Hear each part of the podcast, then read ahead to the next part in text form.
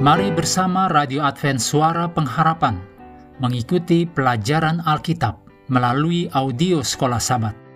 Selanjutnya, kita masuk untuk pelajaran Kamis 1 Desember.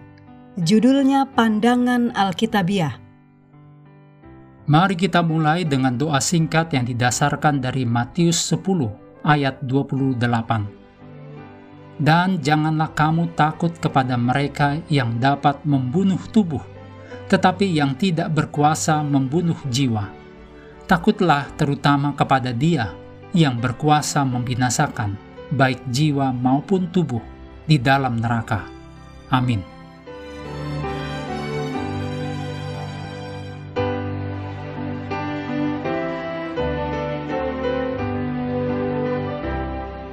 Dalam 1 Yohanes 5 ayat 3 sampai 12, di ayat 11 dan 12 Rasul Yohanes menjelaskan kehidupan kekal hanya bagi mereka yang ada di dalam Kristus. Dalam 1 Yohanes 5 ayat 11 dan 12 dijelaskan doktrin Alkitab tentang kekekalan bersyarat dari manusia. Ini berlawanan dengan teori tidak alkitabiah tentang kekekalan jiwa secara alami. Untuk memahami makna dari bagian penting ini, kita harus mengingat bahwa hanya ketuhanan yang memiliki kekekalan. Ditulis dalam 1 Timotius 6 ayat 16, dalam King James Version, God who only hath immortality. Dalam terjemahan baru, dialah, yaitu Allah, satu-satunya yang tidak takluk kepada maut. Dan hanya Tuhan yang merupakan satu-satunya sumber kehidupan Mazmur 36 ayat 9, Kolose 1 ayat 15 sampai 17, dan Ibrani 1 ayat 2. Ketika dosa memasuki dunia melalui kejatuhan Adam dan Hawa, yang dicatat dalam kejadian 3, mereka dan semua keturunan mereka, termasuk kita, berada di bawah kutukan kematian fisik dan kehilangan karunia hidup yang kekal. Tetapi Tuhan kita yang pengasih menerapkan rencana keselamatan bagi umat manusia untuk mendapatkan kembali kehidupan kekal. Kehidupan yang seharusnya menjadi milik manusia sejak awal. Seperti yang ditulis Paulus dalam Efesus 1 ayat 4, sama seperti dia telah memilih kita di dalam dia sebelum dunia dijadikan, supaya kita kudus dan tidak bercacat di hadapannya di dalam kasih.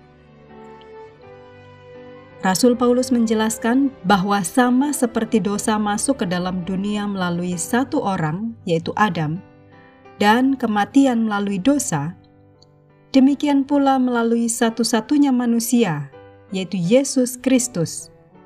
Karunia anugerah hidup kekal tersedia bagi semua manusia. Ini terdapat dalam Roma 5 ayat 12 sampai 21. Paulus di sini sedang membuat referensi yang jelas tentang seorang Adam yang asli, yang membawa dosa dan kematian ke dalam dunia ini. Seseorang tidak dapat memahami apa pun dalam Alkitab tanpa Adam yang asli, yang melalui pelanggaran membawa dosa dan kematian ke dunia kita. Jadi, Rasul Yohanes menambahkan dalam 1 Yohanes 5 ayat 11 dan 12, Allah telah mengaruniakan hidup yang kekal kepada kita, dan hidup itu ada di dalam anaknya.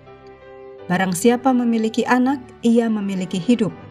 Barang siapa tidak memiliki anak Allah, ia tidak memiliki hidup. Seluruh gambaran menjadi lebih jelas dalam terang pernyataan Yesus, supaya setiap orang yang melihat anak dan yang percaya kepadanya beroleh hidup yang kekal dan supaya aku membangkitkannya pada akhir zaman. Demikian dalam Yohanes 6 ayat 40. Dan jawab Yesus, Akulah kebangkitan dan hidup. Barang siapa percaya kepadaku, ia akan hidup walaupun ia sudah mati. Yohanes 11 ayat 25. Ini berarti bahwa hidup yang kekal adalah karunia Allah melalui Kristus yang dijamin mulai pada saat ini tetapi dinikmati sepenuhnya hanya setelah kebangkitan terakhir orang-orang benar. kesimpulannya sangat sederhana. Jika hidup yang kekal hanya diberikan kepada mereka yang ada di dalam Kristus, maka mereka yang tidak ada di dalam Dia, yaitu dalam Kristus, tidak memiliki hidup yang kekal. 1 Yohanes 5 ayat 11 dan 12. Sebaliknya, teori kekekalan jiwa secara alami mengatakan kehidupan kekal, entah di surga atau di neraka, diberikan kepada semua manusia, bahkan kepada mereka yang tidak ada di dalam Kristus.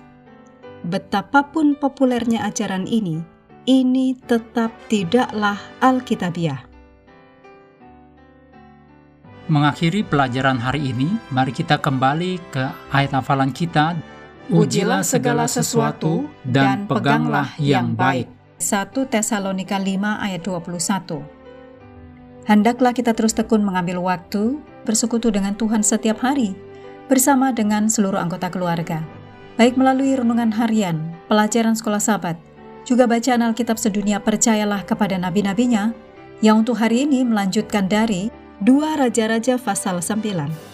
Tuhan memberkati kita semua.